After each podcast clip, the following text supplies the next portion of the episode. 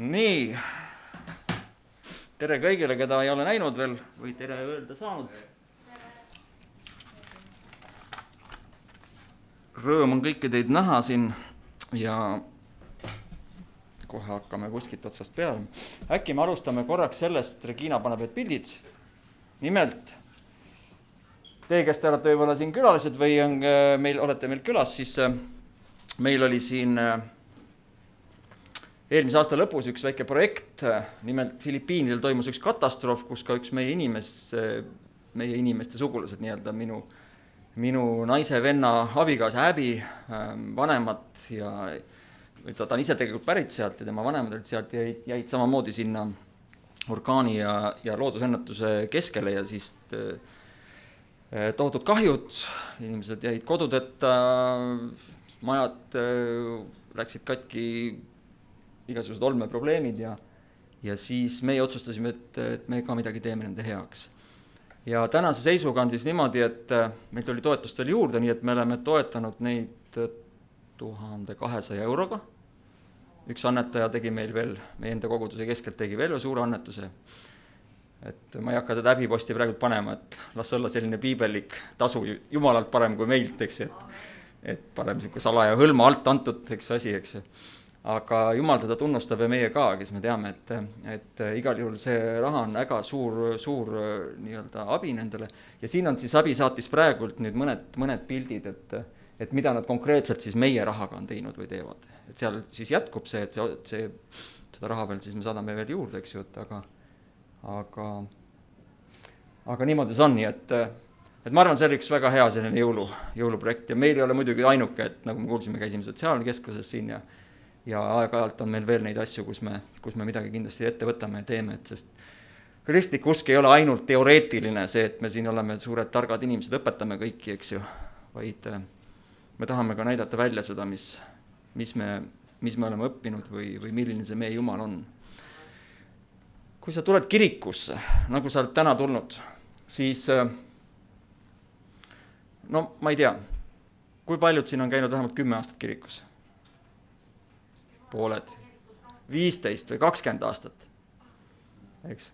et siin on neid ka, kes on võib-olla rohkem, mõned on käinud isegi rohkem kui, kui, kui mõne vanus siin on, eks ju, et ja siis sa mõtled, käid pühapäeval, käid pühapäeval, käid, käid ka kuskil veel, eks ju, koolitustel või, või kuskil erinevates üritustel, eks ju.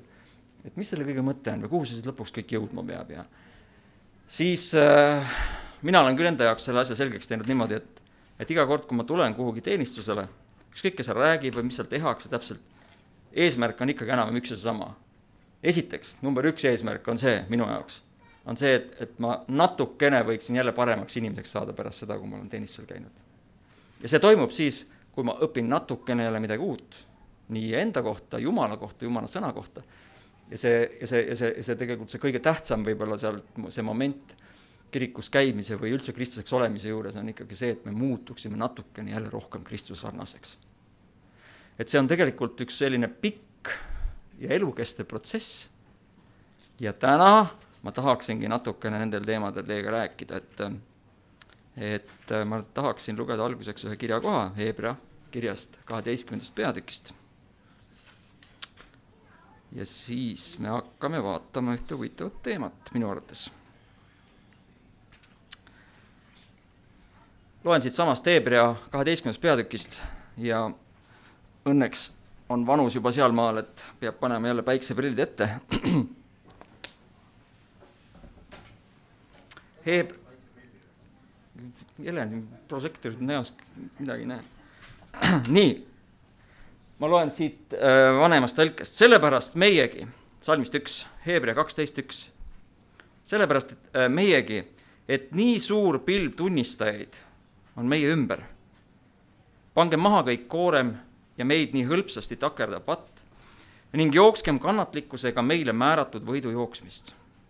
vaadates usu alustajale ja täidjasaatjale Jeesusele, kes risti kannatas temale oodatava rõõmu asemel häbist hoolimata on istunud Jumala aujärje paremale käele. kujutlege ometi teda, kes äh, niisugust vastuhakkamist äh, enese vastu on, on äh, saanud kannatada patuselt et te ei väsiks ega läheks haraks oma hinges. teie ei ole veel vereni vastu pannud, võideldes patuga. Te olete unustanud manitsuse, mis teile otse kui lastele ütleb, mu poeg, ära põlga issanda karistust.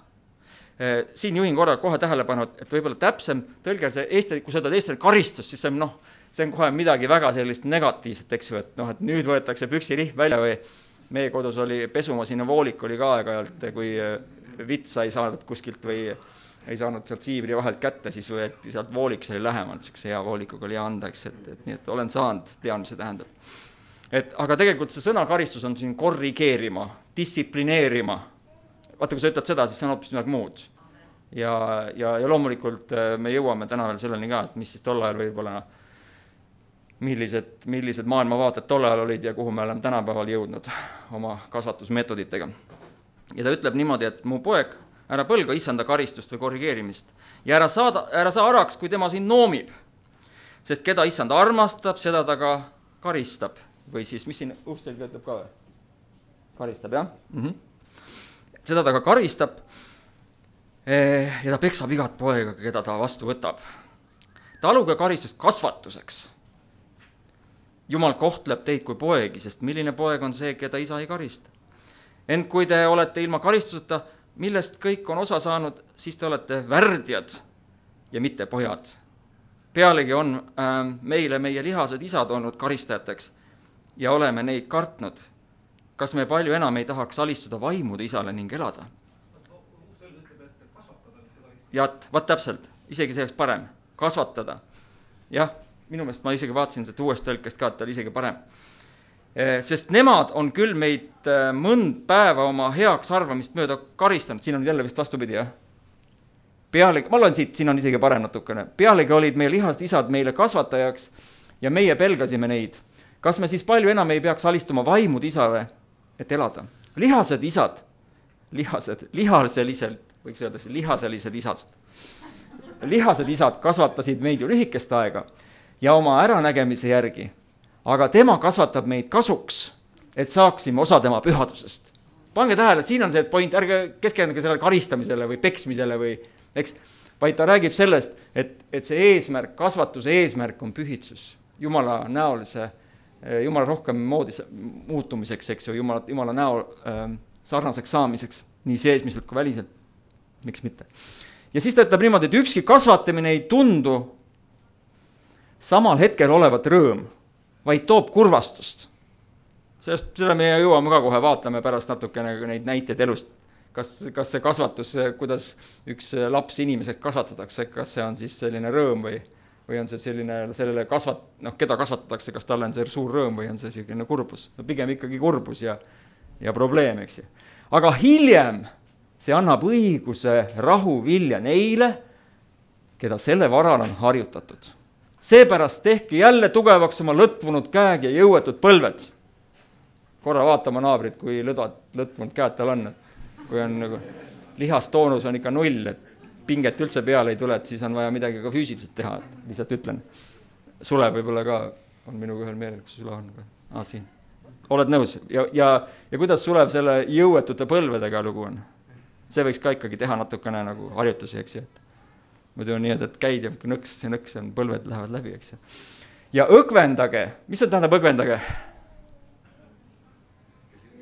tehke sirgeks, kui seal on, sul on mingi tee kuskile kohta, sul on igast jama ees seal ja kõverus ja ebatasasused ja kõik, puhasta ära ja tee see asi nagu sirgeks ja otseks ja, ja, ja et oleks üks korralik tee. õgvendage tee rajada oma jalgadele, et lonkur ei väänaks jalga.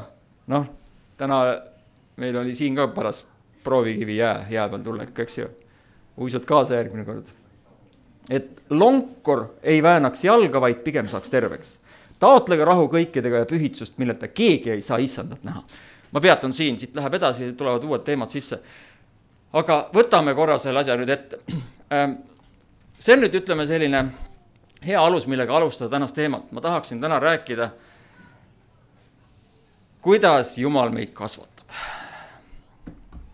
ja nagu me juba nägime, siin olid väga sellised mahlakad, mahlakad väited, kuidas, kuidas seda varem tehtud on. Ja siin on isegi öeldud ka, et et, et ka kunagi need, no isegi tol ajal, kui see, kui see piiblikirja kirjutati, siis öeldi ka, et, et saage aru, et meie esi, esiisad ja isad, nemad ka tegid või kasvatasid oma lapsi nii-öelda oma äranägemise järgi, eks ju, omal moel. võib-olla meie teeme täna natuke teistmoodi, nemad ütlesid seal. aga nemad tegid siis, meie lihased isased, eks ju, keda me usaldasime, nemad kasvatasid siis nii, nagu nemad tol ajal seda oskasid või, või kuidas nad oskasid.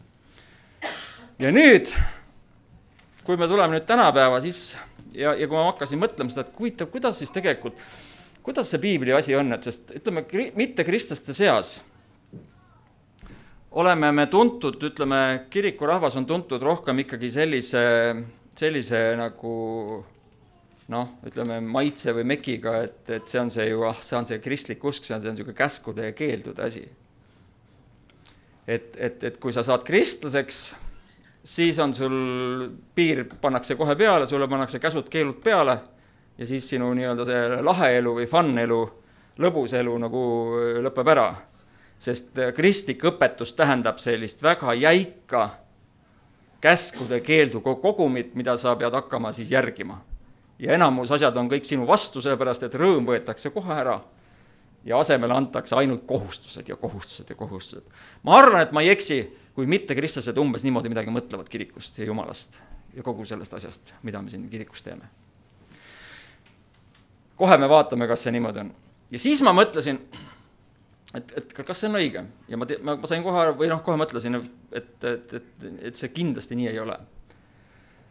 okei okay,, siis ma mõtlesin, et okei okay,, vaatame siis, et kuidas, kuidas üldse siis, millised erinevad, vaata, vaatame, kuidas maailm, kuhu, kuidas see maailm on nagu arenenud ja, ja meil on ka täna on, on siin väikeste lastega emmesid-issisid, meie enda äh, kogudusse on hiljaaegu sündinud siin äh, mõned pisikesed, pisikesed maailma kodanikud, kes kindlasti vanemate silmis äh, või vanemate soov oleks, et nad kasvaksid toredateks ilmakodanikeks, eks ju. mõned me oleme ise oma lapsed juba kasvatanud. mõned me mõtleme, mu omad on seal kodus, võib-olla vaatavad telekat täna, et kui saaks nüüd aega tagasi keerata, et või küll siis teeks kõiki asju teistmoodi. kas sa mõtled niimoodi, kui sul on juba lapsed suured? või vaatad rõõmuga, oi kui toredad inimesed on siia ilma peale sattunud või, või siia ilma, eks ju, sündinud ja, ja, ja suureks kasvanud. ja siis sa mõtled, kui palju minu roll või osa selles kasvatamises oli. mõned, mõned võib-olla mõtlevad nii, et mina küll teda ei kasvatanud, ise kasvas ja, ja, ja, ja ühesõnaga, see on hästi palju erinevaid lähenemisi. ja siis ma jõudsin, jõudsin sellele väga tänapäeva, kuhu, kus ma nüüd natukene peatun. ma jõutasin sellise terminile oma mõtetes, et et väga populaarne on tänapäeval, milline kasvatus? Vaba kasvatus. vaba, oi näed sa. nüüd võtame viis minutit lihtsalt selline idülliline moment, lihtsalt vaatame, et see on nagu kamina, kaminat vaatad, lõket vaatad, ega sa ei peagi midagi rohkem tegema. väga tore, väga tore. kuulge, aga vaba kasvatus, ma tahan natukene nüüd sellest rääkida. ja, ja siis äh, kogu, kui me teeme selle asja natukene selgeks mis asi see vabakasvatus on, sest sellest äh,, oleme ausad, meil on äh, väga noh, ma ei ütle kõigile, aga, aga arvatavasti meil on mitte päris õige arusaamine sellest vabakasvatusest. enamasti me kasutame vabakasvatuse all, et, et tegu on hoolimatu, inetu käitumisega, kasvatamatusega, seda kasutatakse argielus sageli, sageli just vabakasvatuse mõiste all, halvustavas, tegemata jätmisele viitavas tähenduses meie vaba kirik, äkki meil on ka vabakasvatus siin ja äkki jumal on ka ikkagi selline vabakirikutele, ta teeb sellist vabakasvatust. et ma ikkagi, kui ma räägin sellest vabakasvatust natukene, siis, siis, siis ma küsin, ma panen sinna küsimärgi, mitte ainult, et me ei räägi seda, kas me oma lapsi kasvatame vabakasvatuses või mis asi see on, vaid, vaid minu tänane nagu teema või, või huvi on see, et, et, et kuidas Jumal meid kasvatab. et kas me võime öelda, et Jumal on ka kasvatamas meid vabakasvatuse meetodil, mis ei ole üldse väga vana asi, vaid see on küllaltki värske asi ma võtsin lahti siin mõned artiklid, ma teen teile kõigepealt natukene selgemaks seda, mis asi see vabakasvatus tegelikult on. et kui see negatiivne foon, mida me tihtipeale kasutame, et, et kui meil on mingid ulakad lapsed, siis me ütleme, ah, see on see vabakasvatuse vili, siis tegelikult äh, kohe me näeme, et, et äh, vabakasvatus ei ole päris selline, äh, selline viis, vaid siis on, siis on tegu kasvatamatusega, mitte vabakasvatusega. aga, aga lihtsalt teeme selle mõiste selgeks ja siis samal ajal mõtleme, kas Jumal või kuidas Jumal nagu meid kasvatab. vabakasvatus on mõiste, ütleb üks inimene, kes tegi ülikoolis uuringu üldse nende kasvatusmeetoditest ja neid on kuskil neli, neli sellist suuremat erinevat lähenemist on, kuidas ka lapsi kasvatatakse. aga vabakasvatus on siis mõiste, mis jäi tuntuks eh, Ühendkuningriikides Summerhill kooli, mis asutati üheksasada kakskümmend üks, ühe asutaja Aleksander Neili eh, poolt ja tema tees oli see, et lapsed on olemuselt head ja lastel on õigus olla õnnelik, panen tähele. kui tahetakse, et nad jääksid headeks ja aren-, et neile areneks enesemotivatsioon, vastutustunne, kriitiline mõtlemine ja kooseluoskused, peavad nad end vabana tundma. nii et see on nüüd vaba kasvatuse üks lähtepunkte ja samal ajal jälle küsime kogu aeg, kas Jumal nüüd, kuidas Jumal meiega nüüd käitub või, või mida me piiblist võime lugeda või millised on meie enda kogemused. Kuidas Jumal meid, meisse suhtub, kas tema tahab ka, et meil oleks et me oleksime õnnelikud, me oleme oma loomuselt head, et me võiksime ennast vabana tunda, eks. Neid ei pea suruma käitumisraamidesse, sundida neile peale teadmisi ja oskusi. kooli idee oli pakkuda lastele elamisväärne maailm, kus lapsi armastatakse, austatakse, kus neid ära kuulatakse, kus nad saavad olla õnnelikud ning mõjutada ise oma enese elu.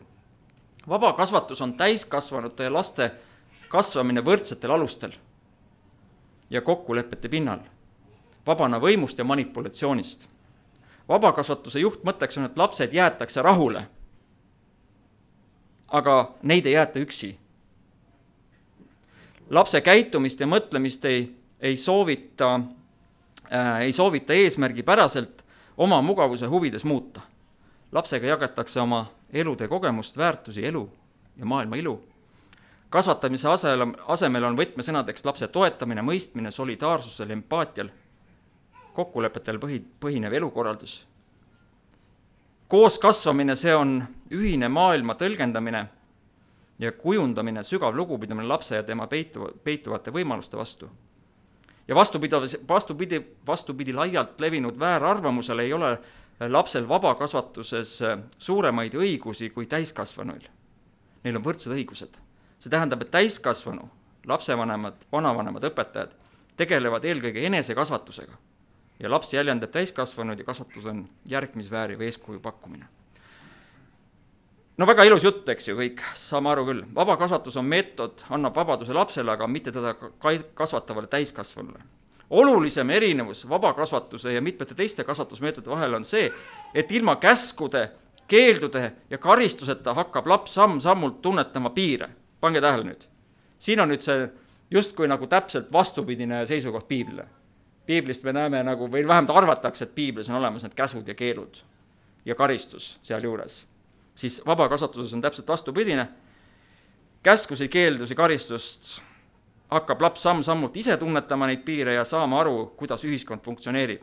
milline käitumine on aktsepteeritav, tagab toimetuleku ja lapse suunamine ja kontroll, kontrolli all hoidmine toimub kaudselt, laps tunnetab end vabana, ka vanemaga koos tegutsedes jäetakse laps, lapsele mulje, et just tema suunab asjade kulgu. ja laps peab ise kõik ära proovima, arengu, õppimine, areng ja õppimine toimub lapsele, lapse kogemustele. Ja vaata veel siit mõned, mõned väiksed lõigud veel, vanema, kasvataja, õpetaja ülesandeks on mõtelda lapsega kaasa, tema samme ette aimata pakkudes uusi võimalusi positiivseks ja negatiivseteks kogemusteks. ja vaata nüüd, siin on üks oluline asi, mida nad ütlevad. eksimine on õppimise tee. eksimine on õppimise tee. Eestis tuhat üheksasaja üheksakümnendatel, kui hakkas see vabakasvatus hoogu koguma, siis, siis äh, paljudes koolides, paljudes peredes võeti eeskuju skandinaavialikust kasvatusest, vabakasvatusest kus nüüd see on nüüd üks, üks pool, mis on vabakasvatuse juurest välja tulnud, mis minu arvates ei ole positiivne. füüsiline ja vaimne vägivald sai põhimõttelise hukkamõistu osaliseks ning igasugust kasvataja, õpetaja ja õpilase füüsilist kontakti lasteaias või koolis tõlgendati kas vägivallana või seksuaalse ahistamisena. Olgu see siis sülle võtmine või pea paitamine.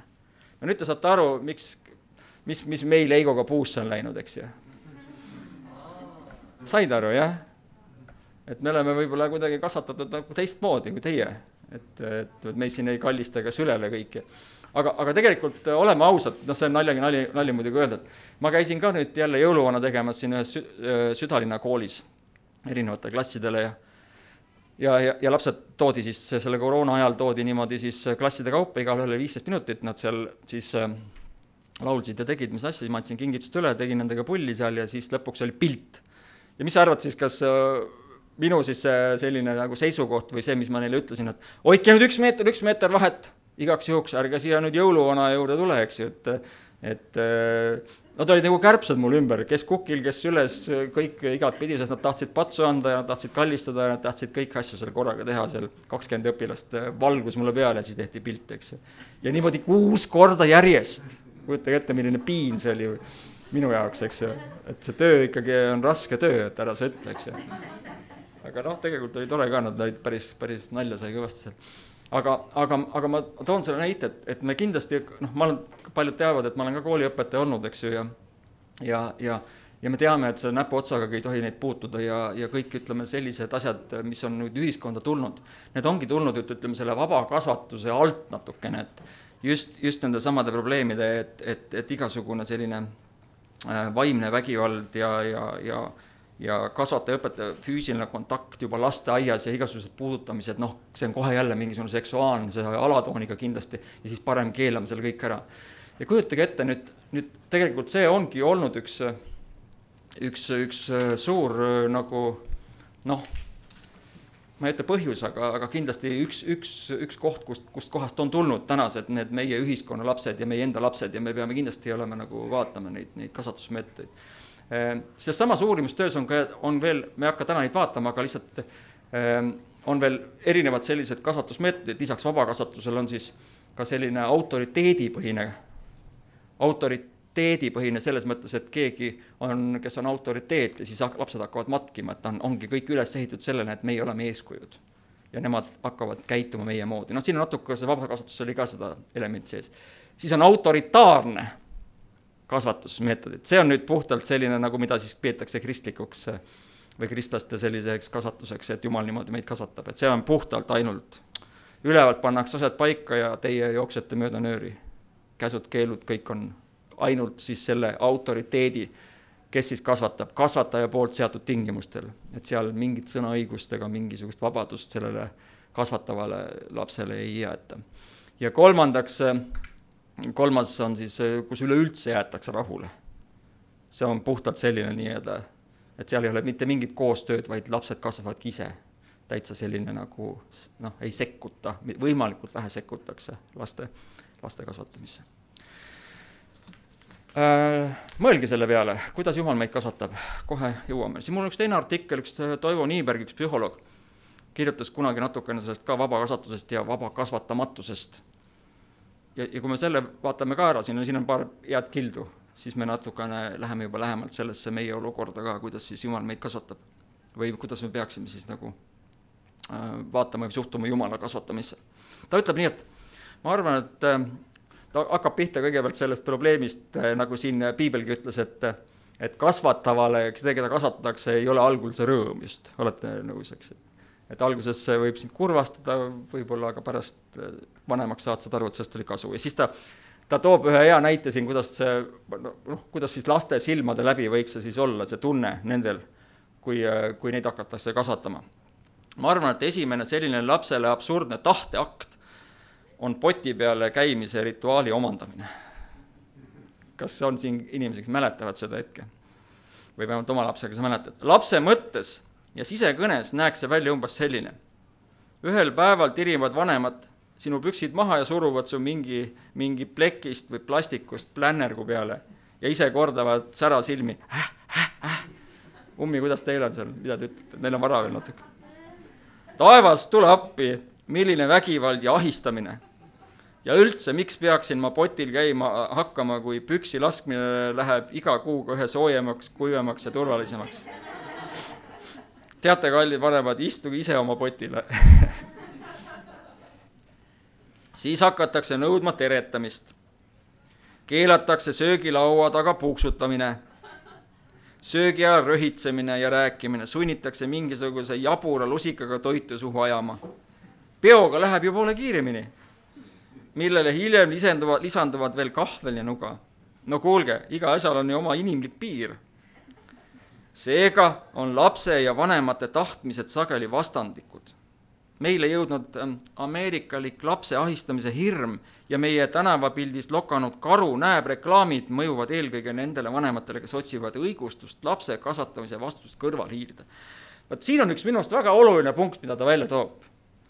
see karu näeb või, või ma ei tea, kas te teate seda, et see on, see on ühesõnaga selline laste nagu hirmutamine või noh, et ma ei tea, kuidas meil Eestis, kas meil on ka mingisugune selline, Kuno, mida sina oma lastele oled öelnud, et kui nad ei taha sind kuulata, sõna kuulata, et kes näeb? vabakond täitsa. ka politsei näeb või ma ei tea, noh, kui sa oled kristlik, äkki öeldakse, vaata, kõige hullem on veel see, kui jumal näeb või näiteks või ma ei tea. Jeesus näeb või Jüri Öö või kes sealt piilub sulle sealt akna tagant, et või ma ei tea. Et, et igal juhul selline laste hirmutamine, see on ka tulnud sisse sealt vaba, natukene vabakasvatuse mood-, me või noh, sealt, sealtpoolt ja selle nii-öelda tulemuseks või tegelikult selle taga ei ole mitte midagi muud, kui puhtalt kas-, vanemad tahavad selle kasvatamise enda õlult ära lükata. ja, ja seda, seda võiks jälle nimetada pigem kasvatamatuseks, mitte laste kasvatamiseks. jällegi paralleeli, proovime nüüd paralleeli samal ajal mõelda kaasa, huvitav, kuidas Jumal meiega teeb. kas Jumal, Jumal kasvatab sind niimoodi, et nii kui natuke midagi on, ma näen sind küll, eks vaadake, Jumal näeb kõike, eks ju, ma vaatan sind et äh, ma ei usu, et, et Jumal niimoodi lihtsalt äh, lambist hirmutab kedagi või ta ei ole selline, ta ei, ta ei, minuga vähemalt või ma, ma ei ole, oska küll öelda, et ta minuga oleks niimoodi käitunud või teinud, et ta kuidagi nagu hirmutab mind ja, ja ähvardab mind. jah. Sergei, me Sergeid ikka teame, keegi Sergeid, nii, kaheksas sajandis Ross pedagoogikas nii tema teos Emile ehk kasvatus Janek Velikavas ei ole kaasa. juht, jah, väga hea, tark inimene Sergei Granat, võib-olla tuleb, räägib ise veel kunagi täpsemalt. aga, aga, aga lähme siit, siit edasi, kohe jõuame, jõuame järgmise asjani. ehk siis äh, loen uuesti reklaamid mõjuvad, sellised karu näeb, reklaamid mõjuvad eelkõige nende vanematele, kes otsivad õigustust lapse kasvatamise vastutusest kõrval hiilda. või siis vastupidi, tahavad oma lapsele kindlustada muretut roosat lapsepõlve. no ma arvan, et äh, eelkõige emad, kõik emad ju tahavad endale, et tema laps oleks nagu üles kasvanud igasuguse, ilma igasuguse mureta ja et ta oleks tõesti nagu tal oleks, kui ta mõtleb tagasi oma lapsepõlve, siis see oli nii ilus, nii idülliline, nii roosa ütleks mehena, eks ju. ma ei tea tegelikult, võib-olla roosa. kas meil on mehi, kes kannavad roosat? vahest ikka või? suvel on ju. ma olen isegi roosat kannatasin ja siin mina, ma olen jah, ummid ka näinud roosana, nii et ei ole väga, ei ole väga ökk midagi. Last kardetakse isegi lasteaeda panna, sest mida ta seal õpib, kaklemist, ropendamist ja jumal teab veel mida. ja kõige hullem teda lausa sunnitakse seal päeval magama ning hommikul tatraputru sööma. kujutage ette, milline ülekohus. see nüüd, see nüüd vanemate seisukoht, kes oma arust kasvatavad last sellise vabakasvatuse eesmärgil, et temast kasvaks selline väga puutumatu, rikkumatu, ilusa lapsepõlvega selline, selline laps. aga, aga paneme tähele, et siin ei ole vabakasvatusel mitte mingit pistmist. Vabakasvatuse põhimõte ongi, et lapsed jäetakse rahule, aga neid ei jäeta üksi. Nad on ikkagi vanema valvsa pilgu all see on ühine maailma tõlgendamine, sügav lugupidamine lapse ja tema peituvas võimete vastu, ei suruta oma soove ja täitumata unistusi lapsele peale, vaid lastakse lapsel ise oma elu rajada. vanemad on nagu nende teejuhid ja lapsed saavad end vabana tunda. Neid ei sunnita teatud käitumisraamidesse, nad saavad olla vabad ja õnnelikud ja ise oma elu üle otsustada. kui laps komistab, siis las ta kukub ja lööb põlve ära. järgmine kord teab oma enesekogemusest, et tuleb jalge ette vaadata, muidu saab jälle haiget no vot, mis, mis te nüüd ütlete, nüüd lapsevanemad ja vanavanemad ja, ja, ja, ja tulevased vanemad? kui sa näed, et äh, kas, kas sinu seisukoht on selline, et iga ilma, ilma eest, iga hinna eest äh, vältida igasugust lapsetraumat, haiget saamist? siin ütleme, vabakasvatuses see niimoodi ei ole ja kui me vaatame nüüd piibli järgi, siis kas Jumal laseb meil eksida või ei lase? laseb küll. ma kujutan ette tõesti, et kui sul on kuristik ees ja või et, et, et mingisugune näiteks, meil oli kunagi, oli lapsena sõitsime võrridega seal maal ringi ja siis me panime võrridele või ka allratastele, teate, panime nagu mootorjääle juurde pesulõksuga, lõunaeestlased ütlevad pesunäpiga, ma ei tea, kuidas on siin Lõuna-Eestis pesulõks, pesunäpp, panime papitüki sinna kodarate peale kinni ja siis kaks sõitus tegi, eks ju.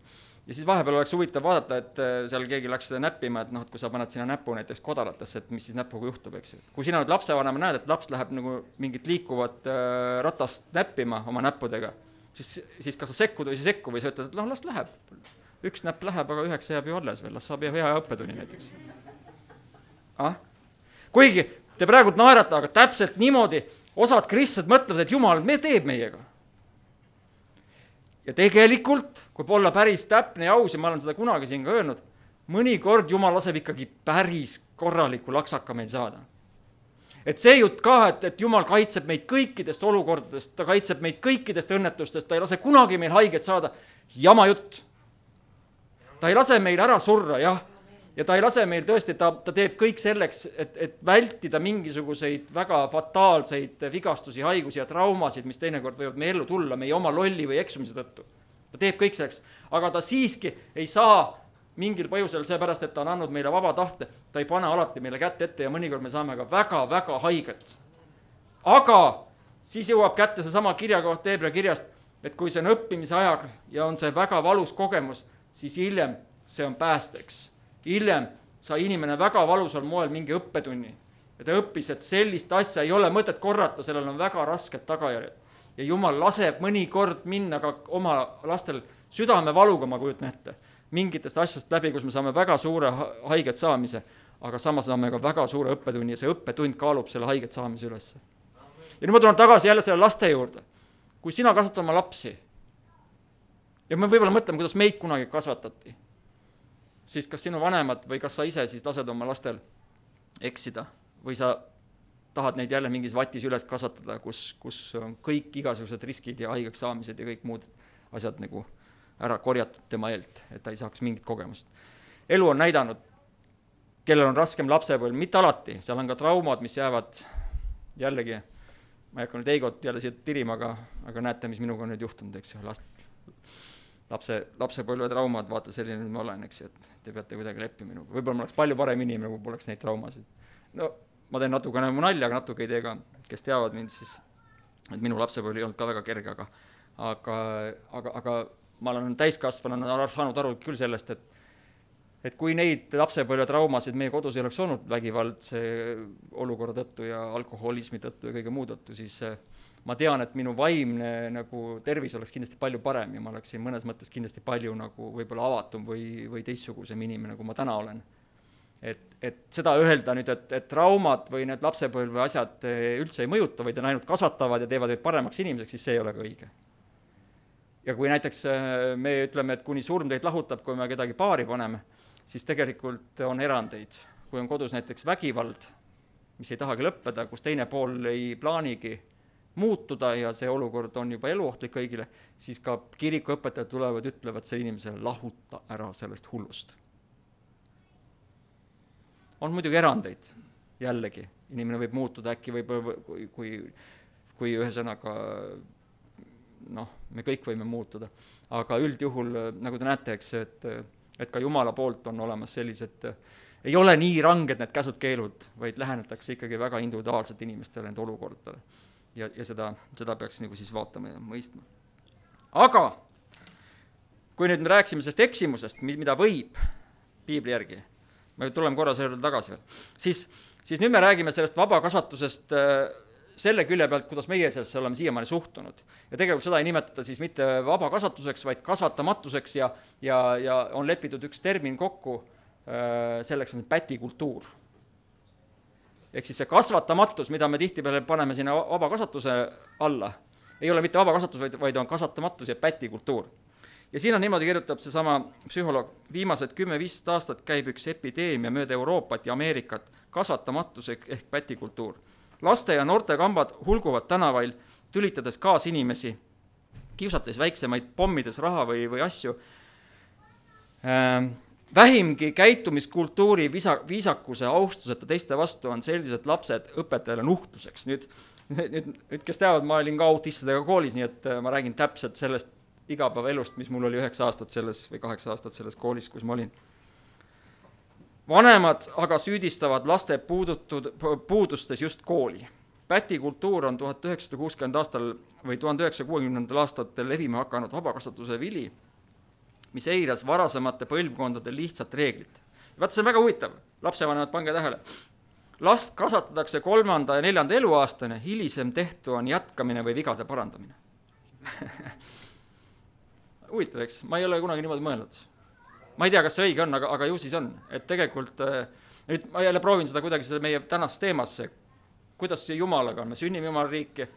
kas on nii, et kas on samamoodi Te võite avaldada, mul ei ole võib-olla kindlat vastust sellele, aga aga mis te arvate, et kas esimese noh, nelja-kolme aasta jooksul pannakse sinu käitumine ja, ja isiksus vaimulikus mõttes paika ja üle, edasi hakkad lihtsalt täiendama ja kasvama, et et kui oluline on see just, kui sa kirikusse sünnid või Jumala juurde sünnid, et siis just esimesed aastad oleksid sellised hea õpetuse ja, ja et sa oleksid heas keskkonnas ja ja et see tegelikult on põhjapanev, see on selline fundamentaalne nii-öelda alus, mille peale hakkab siis kogu see ülejäänud elu nagu kasvama võib-olla küll, eks ju, jah, Maie võib-olla teab lastekiriku materjale, te olete koolitustel käinud ja.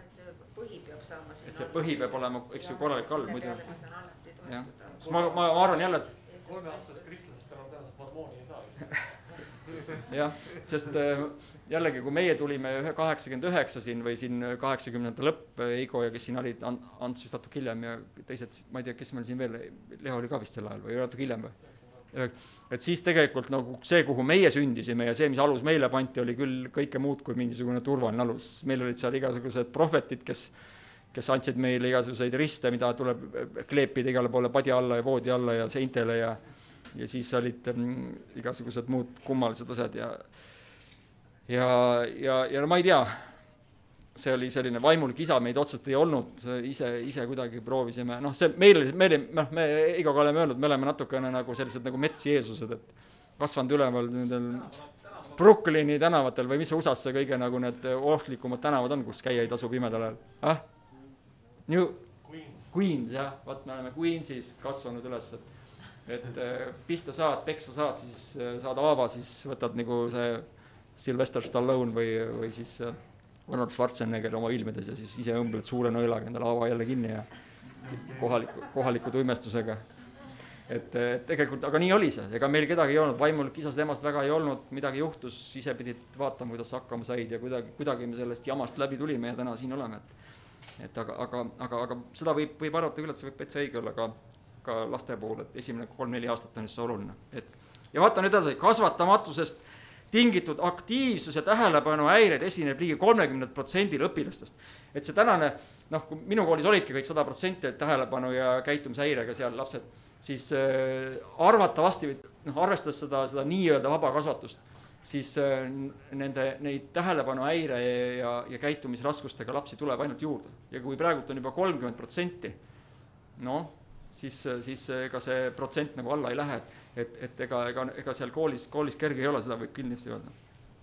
nii, ja siis öeldakse nii, et vale vaba kasvatus on andnud meile hapud viljad ja üha enam tuleb äh, kooli lapsi, kelle käest ei ole, äh, ei olegi kodus midagi nõutud, kellel ei ole, ei ole olnud vastutust ega kodutööde tegemise kogemust.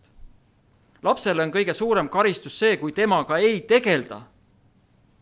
kuulete või? Mõned lapsevanemad on siin, kui temaga ei tegelda.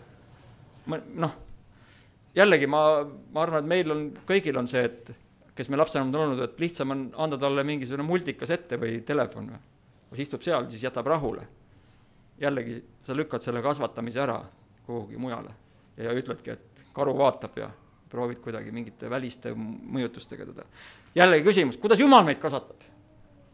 Minu küsimus teile kui kristlastena, siin on vist suurem osa on kristlased, kes ei ole, tõsta käsi püsti, tule kohe siia, pane põlved maha, saad kristlaseks, siis ma räägin sulle ka. on keegi või kes ei ole kristlane? et, et kuidas Jumal meid kasvatab, kas, kas ta tegeleb meiega, on küsimus. päriselt, kas ta tegeleb meiega? kas Jumal pöörab sulle piisavalt tähelepanu? ma arvan, et pigem peaks ütlema, et kas me ise pöörame talle piisavalt tähelepanu. ma arvan, et Jumal on kogu aeg meie jaoks olemas. kas Jumal tahaks meiega tegeleda rohkem? muidugi tahab. kas me laseme, on küsimus, kas me laseme? kas me laseme, et ta tegeleb meiega? see on küsimus rohkem. ma arvan, et Jumala taha ei jää ja ma arvan, et seda ka, et Jumal ei ole kuskil kaugel pilli ja piiri peal, tegeleb seal oma mingisuguste galaktiliste ümberkorraldustega, tal ei ole aega meie jaoks tal ei ole aega, kust tal sinu jaoks aega, mõtle, tal on seitse miljardit või kaheksa miljardit, palju meid siin juba on maailmas. tal ei ole aega kogu aeg sinu ja sinu probleemidega tegeleda. ja tal on veel kogu universum vaja juhtida, tal on seal ka ju see taevane ja kõik see maailm. ja nüüd, nüüd, nüüd sa pead nagu mõtlema, et aeg tuleb kinni panna ja siis, ja kui sa siis selle korraks, ta pöörab, pöörub sinu poole, siis, siis kasuta ära seda, eks ju. kas on nii või? ei ole ju ei ole muidugi, noh jumal on kõigi jaoks olemas, püha vaimu kaudu on, on tegelikult ta kõigi meie jaoks kogu aeg olemas. ta on välja valatud, piibel ütleb, meie südametesse. ta ootab sinupoolset pöördumist ja sinuga koos olemist. ja ta ei, ta ei väsi mitte kunagi sellest, et sa tuled jälle oma samade asjadega, samade jamadega. ta saab aru, et noh, et poti peal käimine ei ole kõige lihtsam alguses. ja ta saab aru, et see ei meeldi sulle mähkmetesse on palju parem lasta, ärge muretsege, minu lohutus on see, et kui saad vanemaks, siis saad mähkmed tagasi, noh. on ju? et sellega lohutame. vaimulikus mõttes ka, et kui juba muutud selliseks väga seniilseks, siis saad oma mähkmed tagasi, ära muretse. nii, nii et ah?.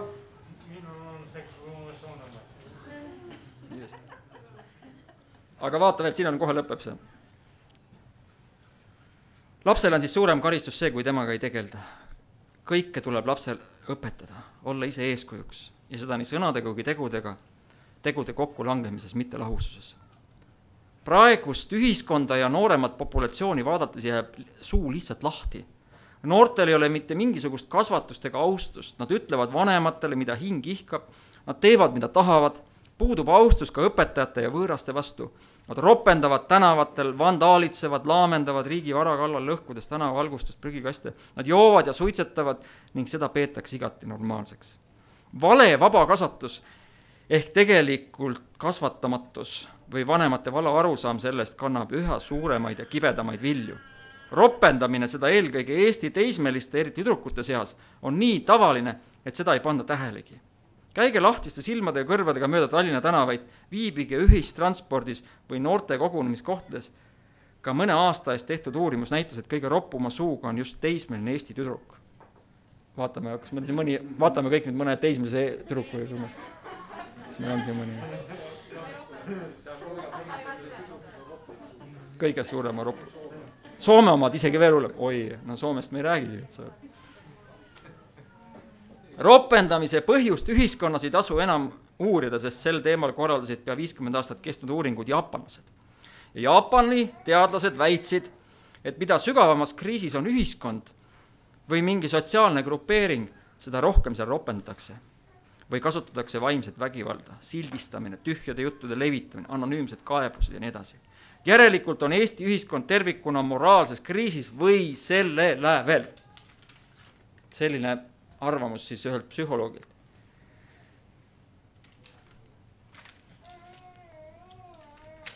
ega te ei ole ju ropendamist kuulnud kuskil? no tead, seal on mingid niisugused imelikud sõnad, mis viitavad teatud kohtadele ja, jah.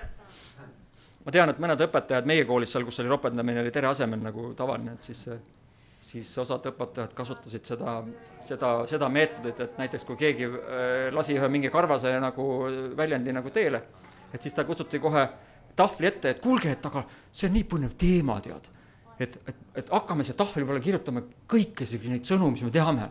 kõik paneme siin samasuguseid sünonüüme, eks ju, ma vaatan, mul tuleb ka võib-olla, äkki saab mingi vene keelest ka juurde panna veel ühesõnaga, et läks selle nagu plaadi käima, et kirjutame siis kõik juba, paneme kõik, toome selle kõik siis välja nii-öelda, laseme selle kõik välja siis. ja siis, siis muidugi nad olid jänes püksis ja nad ei julgenud ja kuidagi häbenesid ja, ja, ja, ja olid mõneks ajaks nagu rahu majas, aga, aga, aga okei okay,, ropendame ropenduseks. nüüd see nüüd on siis, ütleme selline, ma loodan natukene teid hariv või vähemalt mingisugune ettekujutus, et ärme aja sega, segamini vaba kasvatust ja kasvatamatust et me oleme tihtipeale selle vaba kasvatuse pannud sinna kasvatamatuse nagu alla, et see on üks ja sama, ei ole, kasvat-, vaba kasvatus on tegelikult väga palju positiivseid jooni, aga me näeme, et seal on ka omad ohud. ja kui seda väga rangelt ei jälgita, siis juhtubki see, et sealt tulevad välja see, et ei tohi puudutada enam ja kõik on seksuaalne ja kõik on, ma ei tea, mis kedagi ei kuulata ja ropendatakse ja kõik, kõik see, see asi võib minna sealt väga, väga rohkem edasi. aga nüüd ma toon hästi kiiresti siin välja mõned lühikesed punktid, mis ma mõtlesin, et et mida, mida siis, mida siis nagu kristlikust äh, õpetusest või ütleme sellest ka oma kogemusest, kuidas Jumal on mind kasvatanud, et mida siis nagu võib ja mida siis piibli järgi ei tohi. või kui ma vaatan, kuidas Jumal meid kasvatab, kas ma saan tuua mingisugused mõned punktid, seda, neid punkte võiks, võiks äh, venitada lõpmatult pikaks, igast kirjakohast võid leida mingi punkti. aga et just nagu, et mis on nagu meie jaoks või, või minu jaoks olnud nagu oluline või, või, või mida võiks nagu natukene nagu äh, koos kogudusega mõelda, et mida siis nagu jumal lubab ja mida, mida, mida siis, ma isegi mitte ei lubab, aga mida, mida ta nagu ütleb, et jah, võib teha, jah, annab, annab nagu oma nõusoleku ja mida ta siis ikkagi nagu keelab või, või ei tolereeri. või ei, ei ole nii, et noh, ise vaata, vaid mida ta ütleb ikkagi konkreetselt, et vaat seda ei tohiks teha. et kas meil on piiblis selliseid, mõningaid selliseid häid mõtteid, mida me võime teha siis kristlastena, arvestades tema kasvatusmeetodit ja, ja mida me siis ei tohiks või ei peaks tegema number üheks või esimeseks äh, ma panin see, et mida võib teha, siis võib ka piibli järgi võib eksida, sellest me natuke rääkisime, ma siin kaua ei peatu. aga lepime selle kogudus kokku, me tahame, me tahame, et meie kogudus, äh, me oleme Eigoga seda kogu aeg rõhutanud, me tahame, et siin oleks üks keskkond, üks õhkkond, kus on mõnus koos olla. et siin ei sildistata, siin ei, siin ei, äh, ei manipuleerita, siin, see ei ole autoritaarne või selline autori-, autoriteedipõhine see kasvatusmeetod võiks siin olla küll, et me näitame eeskuju. ja koguduse vanemad või kes meil on siin, näitavad eeskuju noorematele. aga kindlasti see ei ole selline autoritaarne kogudus, kus pastor ütleb, mina käsin, lasen, poon ja mis iganes need sõnad on. et nii on ja, ja teised olgu vait ja teenigu või minge minema, eks. et, et, et pigem on see vastupidi, et meie oleme ka jumala lapsed, me ka õpime ja, ja, ja et selline õhkkond jätkuvalt valitseks koguduses, siis ütlen sulle kohe, sa võid oma naabrile ka öelda, et on luba eksida. et sa võid eksida. aga mida sa teha ei tohiks või mida sa ei peaks tegema, on see, et ära tee pattu. või siis, kui sa tead ja tahad mingisuguseid uusi samme ette võtta või kui sa tead, et, et ma tahaksin mingisuguseid asju proovida teha, noh, piltlikult öeldes nagu laps hakkab esimesi samme õppima, eks ju, kui ta kõndima õpib et sul on, tekib niisugune idee, et vaatad, et näed, suured käivad niimoodi, et hakka ajaks ka ennast püsti. et siis, siis ei tohiks teha või ei peaks tegema, on see, et ai, ma vist ikka ei hakka tegema seda, äkki kukun, äkki saan haiget, äkki jalg veel ei kanna, äkki tasakaal läheb paigast ära. seda ei tohi teha. võib teha ja peaks tegema see, et sa lähed ja proovid. ja võib eksida, jumalale suhtes on ka täitsa okei okay., võib eksida, võib komistada, võib kukkuda aga pigem, mida sa ära tee, on see, et, et, et sa jätad, jätad proovimata või jätad arenemata, noh, oma arengus, sa ei tee järgmist sammu.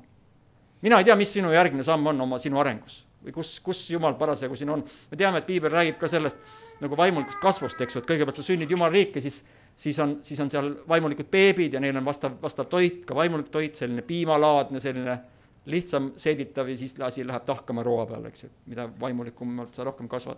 mina ei tea, kus maal sa oled igaüks on seal erineval tasemel, aga kindlasti Jumal utsitamas sind äh, tegema järgmist sammu oma arengus. ja võtma midagi ette, mida sa varem teinud ei ole, mis on ohtlik, kus sa võid eksida. ja arvatavasti eksid ka ja kukud. nii et sa võid eksida, aga sa ei tohiks jätta seda tegemata.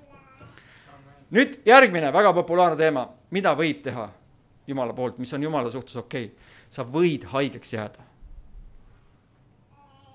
sa tohid haigeks jääda, võiks nii ka öelda on mingeid kirikuid ja kogukondi ja liikumisi on ka ajaloos olnud sellised võib-olla, kes vaatavad, et ahaa, sa jäid haigeks, jah? sul on mingi salapatt või? meie ei jää haigeks, Jeesuse Kristuse verme tõttu on meil ju, noh, meil on need tõotused, meil on kaitse. järelikult Jeesuse veri ei kaitse sind vist, jäid koroonasse, jah mm -hmm.? noh, tahad tulla pastori jutule, rääkida natukene, pihtida midagi või mis toimub? Jama jutt, see on valeõpetus, ma võiksin siin öelda kinda peale, et see ei ole nii. muidugi meil võib olla probleeme, mis avavad mingeid uksisi, eks ju, vaenlasele. see võib meie oma lollus olla, see võib olla mingisugune tõesti mingi asi, millega me maadleme, on see mingi andeksandmatus või mõni muu asi, eks ju. ja see annab rohkem võimet, see on nagu noh, füüsis, füüsi-, füüsilises nii-öelda kehas on meil immuunsüsteem, eks ju, see ei pruugi toimida, töötada mingitel põhjustel. aga me teame, et ka sellises füüsilises kehas on nii, et sul on mingid viirused, kes ei allu sellele, noh, või meil ei ole antikehi nende suhtes, no kõik see, ma ei hakka sellesse minema teemasse. aga, aga, aga ma tahan sulle öelda, et vaimulikus mõttes, kuidas Jumal meid õpetab, kui keegi meie seast jääb haigeks, siis see on okei okay. me ei vaata seda kuidagi nagu hmm, huvitav. et, et nii nagu eksimine, samamoodi haigeks jäämine, see on lubatud me keegi ei taha, jumal ka ei taha, eks ju, ja me teeme kõik selleks, et inimesed terveks saaksid ja me palume ja me võtame rohte ja me käime arsti juures ja me palume õnnistust, toetame neid inimesi. aga et keegi ei vaataks kellelegi kuidagi imelikult, kui ta haigeks jääb, et äkki on midagi seal maetud koer kuskil, eks ju. mis siin on, siis toimub, eks ju. et see, see on kindlasti üks asi. ja küsimus, kas Jumal, nüüd ma küsin teie käest, kas Jumal kasvatab meid ka haigustega läbi või haigustega? Mis te ise arvate, ma ei, ma ei ütle, kas see on õige või vale vastus, ei ole vahet, aga mis te ise arvate, kas, kui sa mõtled ka oma kogemustele, kas, kas äh, haigused on samamoodi see nii-öelda see mõnes mõttes see karistus, mille läbida või, või, või siis see nii-öelda see jumal peksab igat poega, et kas ta laseb mõnikord ka meil haigeks jääda, kas ta õpetab läbi selle haiguse. sest on olnud väga jällegi palju õpetusi, öeldakse, et jumal mitte kunagi ei kasuta haigusi või noh, õpet-, vot ma arvan ka niimoodi, et öelda kunagi, mitte kunagi, mitte midagi või noh, seda ei saa niimoodi üldistada, sest jällegi mina arvan küll, et jumal, jumala sõna ütleb sedasama, et tema keerab kõik meie kasuks. ja ta võtab ka need äh, eksimused, mis ka on, me ei tea, millised täpselt, mis need põhjused on, sõltub inimesest, aga ta ikka keerab need meie kasuks ja kasutab seda õppetunnina, nii et äh, kui ma arvan seda, et jumala esimene valik ei ole see, et sind haigeks teha, et sind õpetada, eks ju, sellest me saame kõik aru, sest see on needus. Selle eest on Kristus surnud ja, ja ma olen täitsa veendunud, ka lapsevanemad, sa noh, kuigi vaktsineerimine tegelikult ju natuke on see, et sinule süstitakse seda põhimõtteliselt seda haigust sisse ju. et sa läbi põeksid, et siis pärast suuremalt sa ei põeks seda. et kas sina näiteks oma, oma lapsele teeksid niimoodi, et siis sa teeksid ta haigeks pigem? et, et, et ta siis õpiks midagi sellest või? noh, et noh, vaata see, et see nagu jah, et ütleme, ütleme nii, et noh, loo-, loogiline mõtlemine ja terve mõtlemine ütleb loomulikult, et ega jumal ei tee meid haigeks, jumal armastab meid, ta ei taha meid haigeks teha, nii nagu lapsevanemad ei taha, et tema lapsed haiged olevad, eks ju. Nad teeksid kõik selleks, sööksid küüslauku ja käiksid väljas ja spordiksid ja oleksid nagu terved ja terved nagu purikad. aga samas, kui, kui ka juhtub midagi ja jäädakse haigeks, siis, siis kindlasti kindlasti vanemad, ma arvan, reageerivad lapsele ja vaatavad, miks ta haigeks jäi, võib-olla ta käis palja peaga jällegi need teismelised äh, ropendavad tüdrukud tihtipeale käivad, ma ei vaata teie poole, eks ju, ei vaata. aga mul on omal kodus ka sellised, et, et äh, kodust minnakse mütsiga välja, aga siis kaks meetrit eemalt võetakse müts peast ära, eks ju. ja siis, kui on haiged, siis on paha olla, eks ju, ja siis, siis mida vanemad ütlevad, no mis ma ütlesin sulle, vaat nüüd saad hea õppetunni, eks ju, käi veel palja peaga, eks ju nii et ei saa öelda, et ei, noh, et haigused ei õpetaks või et noh, tegelikult jumal samamoodi ütleb, kui, kui astud ämbrisse ja juhtubki midagi oma lolluse tõttu või mis iganes, saad, saad, mõnikord me saame ka lihtsalt pihta nende viiruste või asjadega, et kus ja me ei tea, miks, siis tegelikult äh, selge see, et kui jumal saab, siis ta kasutab seda olukorda ära ja õpetab sind, et edaspidi seda ei juhtuks. nüüd järgmine punkt on see, et äh, mida võib teha? sa võid elada oma koormaga kohe selgitan. kas tead seda, et piibel räägib koormatest? ja ma olen täitsa veendunud, et meil kõigil on omad koormad. kas see tuleb minevikust, kas see tuleb olevikust, kas see tuleb muretsemistest, kas see tuleb kohustustest, mida sa oled võtnud, vastutusest. minu tänane siin koorem oli see, et tulla esimest korda niimoodi rääkima siia, eks ju. milline koorem, milline koorem, aga ma kuidagi sain siia, õlad on näed nongus. selline koorem oli, et noh, et kuidas ikka õnnestub, kuidas ikka läheb. igalühel on omad koormad, piibel ütleb ka, et, mida ütleb Jeesus koormate kohta? minu ike on hea ja minu koorem on kerge. mida sa võid, sa võid käia oma koormaga, aga mida sa ei või, sa ei tohi olla ülekoormatud. ja ülekoormatuse vastu ütleb Jumal sõna mida? tulge kõik, kes te olete koormatud ja vaevatud, andke nii nagu Siilike andis oma murest sealt õhupallist, kunagi Vene multikas oli jagatud mure, andis kogu aeg seda õhupallist tühjemaks, siis tal läks kergemaks kogu aeg on lubatud käia oma koormaga ja meil kõigil on omad koormad, et see, et sa oled täitsa vaba, nii nagu me siin unistame mingisugust sinisest äh, elust, kus on kõik on nagu elu on nagu lill, seda ei ole ega saagi olema siin ilmas. aga sina kanna oma koormat õilsalt koos Kristusega. tema annab sulle jõudu, aga kui sa oled ülekoormatud, siis see ei ole hea. siis sa peaksid oma koormaid vähendama, minema viima need Jumala juurde ja vabanema nendest koormatest. mäletate, Moosesele tuli äi külla ja seal oli probleem, et Mooses võttis liiga palju asju enda peale. meie koguduses ka me üritame, noh, üritame paha sõna, see öeldakse, et see on läbi, läbi kukkunud katse, aga, aga ma arvan, et see enam-vähem meil toimib. me üritame siin luua kõiki neid tööarvusid sedasi, et, et, et oleks võimalikult palju delegeerimist. et ühte asja ei teeks ainult üks inimene meil on veel ligad ja logad igast asju siin, meil on siin prügikastid välja viimata ja meil on siin toit, toitu vahepeal ei tule ja meil on siin koristamata ja ja meil on inimeste puudus pidevalt, nii et kui sa tunned ja saad ja tahad, siis seal on graafikud, Riina kindlasti rõhutaks seda ka ja ütleks, et pange ennast kirja, sest vastasel korral jääb tegemata ja kui see üks inimene teeb kõike, siis ta põleb läbi ja siis ta ongi ülekoormatud, mille tulemus on läbipõlemine.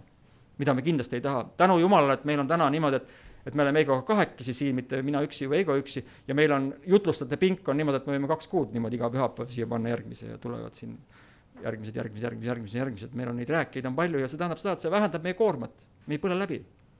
ja igas asjas, ülistus, tänu Jumalat on täna neid erinevaid nüüd seltskondasid, eks ju, et et ei pea iga pühapäev siin keegi olema, Viivik oli siin kunagi nagu noh, tõesti nagu noh, elaski põhimõtteliselt siin, eks ju. ei olegi mõtet koju minna, sest kohe on jälle vaja jälle, jälle teha, eks ju jah, proovid ja siis kohe jälle korra pea ära pesta ja huuled ära värvida ja tuleb jälle laulma hakata. mida võib veel teha? paar asja on veel, kohe lõpetan. teate, et meil võib ka siin solvuda ja võib ka vihastada. või, või? see laiemas mõttes, see tähendab seda, et jumala jaoks on see okei okay., jumal ise ka vihastab, kui oled tähele pannud. emotsioonide väljanäitamine okei okay lihtsalt küsimus on see, et kas see on konstruktiivne. ja mida ei või, siia ta, siia selleks vastaks, võib solvuda, võib vihastada, võib isegi teinekord natukene halvasti öelda, aga siis noh, kui sa tead, et sa ütled halvasti, mida sa külvad, seda sa lõikad, hakatakse sulle ka sama halvasti ütlema. et, et pigem vaata, vali oma tooni. piibel ütleb, mida vihastamise kohta? vihasta, aga ära mine magama viha, vihane, eks ju, ja, kui andeks anda oma vennale, siis anna andeks, eks ju, ja kui ta mitu korda eksib, siis anna jälle andeks ja anna. ühesõnaga, sa tead seda, näed, et, et tegelikult need emotsioonide ja, ja oma tunnete näitamine on okei okay.. kui me siin koguduses ka ehitame sellist asja üles, et, et kõik on keep smiling, või see on see ameerikalik või noh, kust see tulnud on, aga, aga et kõik on jube hästi, et see, ma olen käinud piisavalt kaua kirikus, eks ju, ja ma ma tean väga hästi, et, et teinekord tullakse kirikusse, kõik naeratavad, kõik on nii, noh, tehakse niisugune kiriku nägu, võetakse kirikumask ette, eks ju. pannakse ennast ilusti riidesse või, või lõhnastatakse ja siis kirikus on väga hea. ja tegelikult sa tead, inimeste eludes on katastroofid, probleemid, igast mured, igast jamad. üks ei salli teist, keegi on kellelegi haiget teinud, kellel, kus kuluaaride taga käib sihuke jama, eks ju, aga, aga siis see fassaadi ees on selline noh, näit-, näitamine käib, et me oleme siin jube super vaimulikud ja püha vaim ja kõik muu trallallaa, eks ju aga tegelikult tead, et, et asi on, asi on palju pingelisem, kui see välja paistab.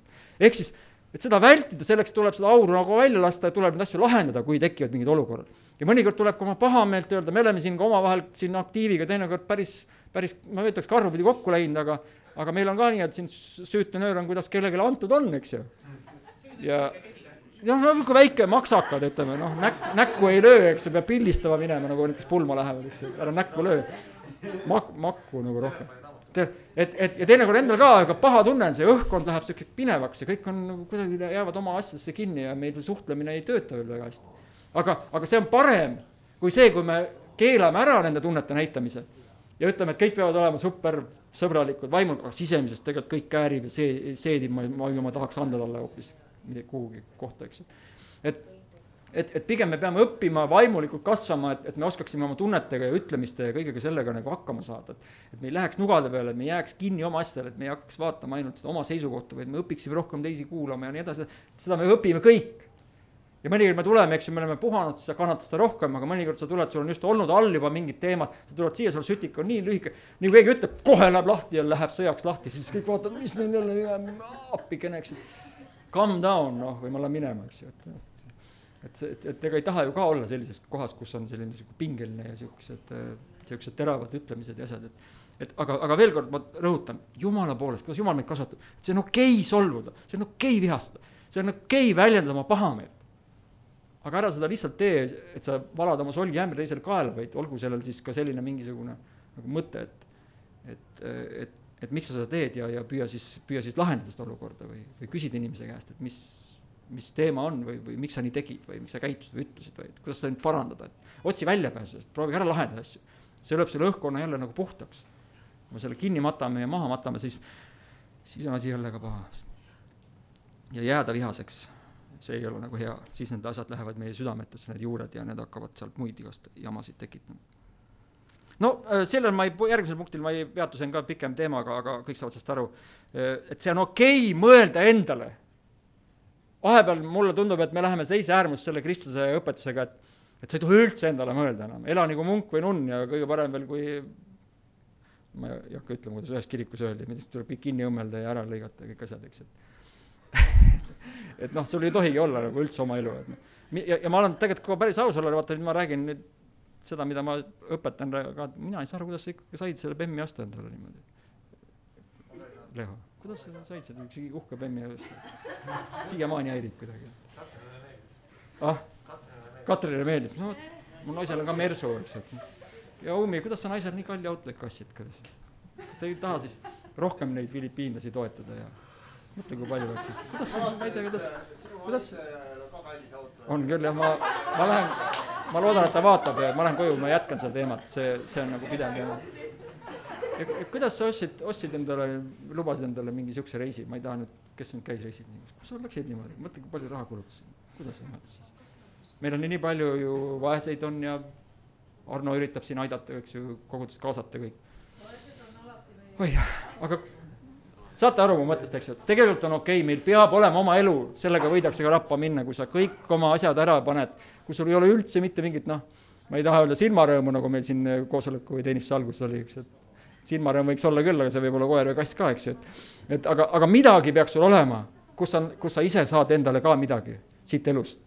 on see siis mõni äh, hea toit või, või mõni rabamatk või, või midagi, midagi, iganes sa teed, et sa, et su hing ka saaks, saaks midagi. et sul oleks ka oma elu ja siis ja siis, aga, aga mida sa ei tohi, sa ei tohi olla isekas, ainult enda peale mõelda, eks ju, see, see balanss või see tasakaal peaks siin olema.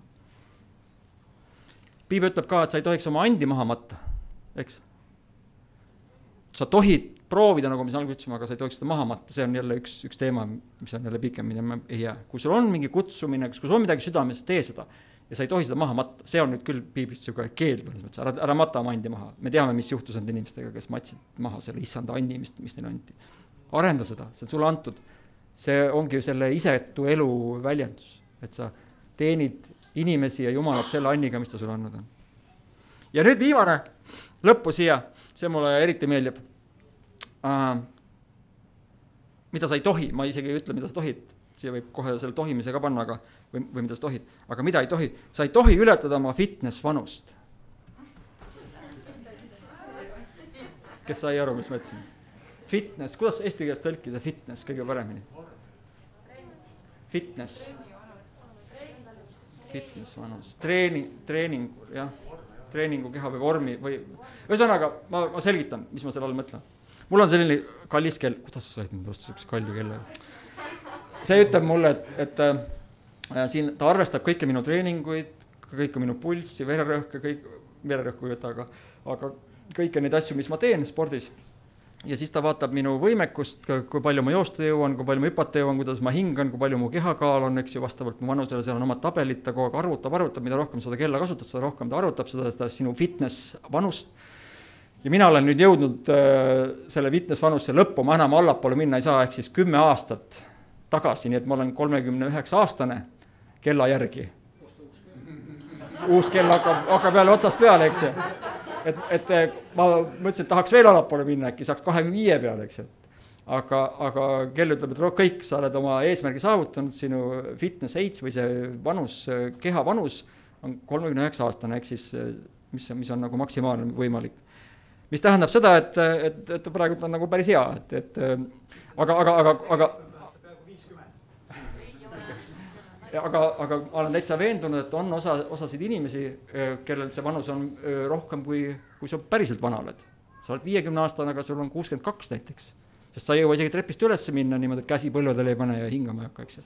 ehk siis, mida ma tahan öelda, me oleme niisugune sportlik kogudus, et et, et me kogu aeg, loomulikult me räägime vaimulikest asjadest, see on palju olulisem kui see füüsiline pool aga tegelikult, mida ei tohiks teha, sa ei tohiks äh, võtta, ja see on küll äh, piiblist väga selge, et sa peaksid võtma ka ikkagi oma ihu kui pühavaimu templina ja ja, ja ma olen seda oma, oma nördimust siin väljendanud korduvalt, et kui on ikka ahelsuitsetaja, kes suitsetab ja saab näiteks kopsuvähi, siis mis õigust on tal minna kasutada maksumaksja raha ja nõuda, et teda nüüd hakatakse poputama seal ja tema noh, tema nii-öelda seda vähki, vähki hakatakse ravima, kui ta ise seda jätkuvalt iga päev endale tekitab no me võime panna siia suhkrusööd või, või mis iganes, aga, aga tegelikult, mis on mu selle nagu selle asja mõte, on see, et, et äh, terves kehas on terve vaim, me oleme sellest pikalt ka siin rääkinud, et äh, jällegi, see oma elu, mine, mine liiguta ennast, ega see kõik ei pea tippsportlaseks saama, seesama Sergei Grana vihkab lund, no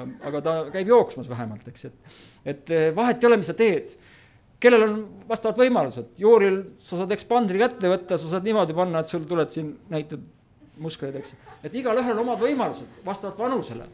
et see, et see, et see sinu fitness level ja see, ja see ei ole seotud mitte ainult liigut-, liikumisega, seal on nüüd kõik asjad, seal on need muretsemised, seal on magamised, õigel ajal magamised, seal on kõik äh, muud asjad, eks ju, kuidas sa närvi lähed, äh, mida sa sööd, äh, kõik, kõik, kõik need teemad kokku võtaks selle kokku, selle fitness, fitnessi nagu vanuse. ja kui me tahame olla hea kogudus, siis usu mind, kui inimesed on terved, ka füüsiliselt, tunnevad ennast palju paremini, nad on palju sõbralikum, nendega on palju parem asju ajada ja usu mind, kui me läheme neid abilisi aitama, siis seal on vaja kaste tõsta. aga mis ma teen sinuga, kui sa juba seda, võtad ühe kasti ära ja siis oled, ma ei saa rohkem teha, aga ma juhendan. kümme inimest juhendavad, üks tassib seal, Arno tassib. või need, kes jõusaalis, need, kes viitsivad jõusaalis käia Sulevi juures seal trennis, nemad on siis need, kes tegelikult reaalselt selle jumala headuse viivad nendeni.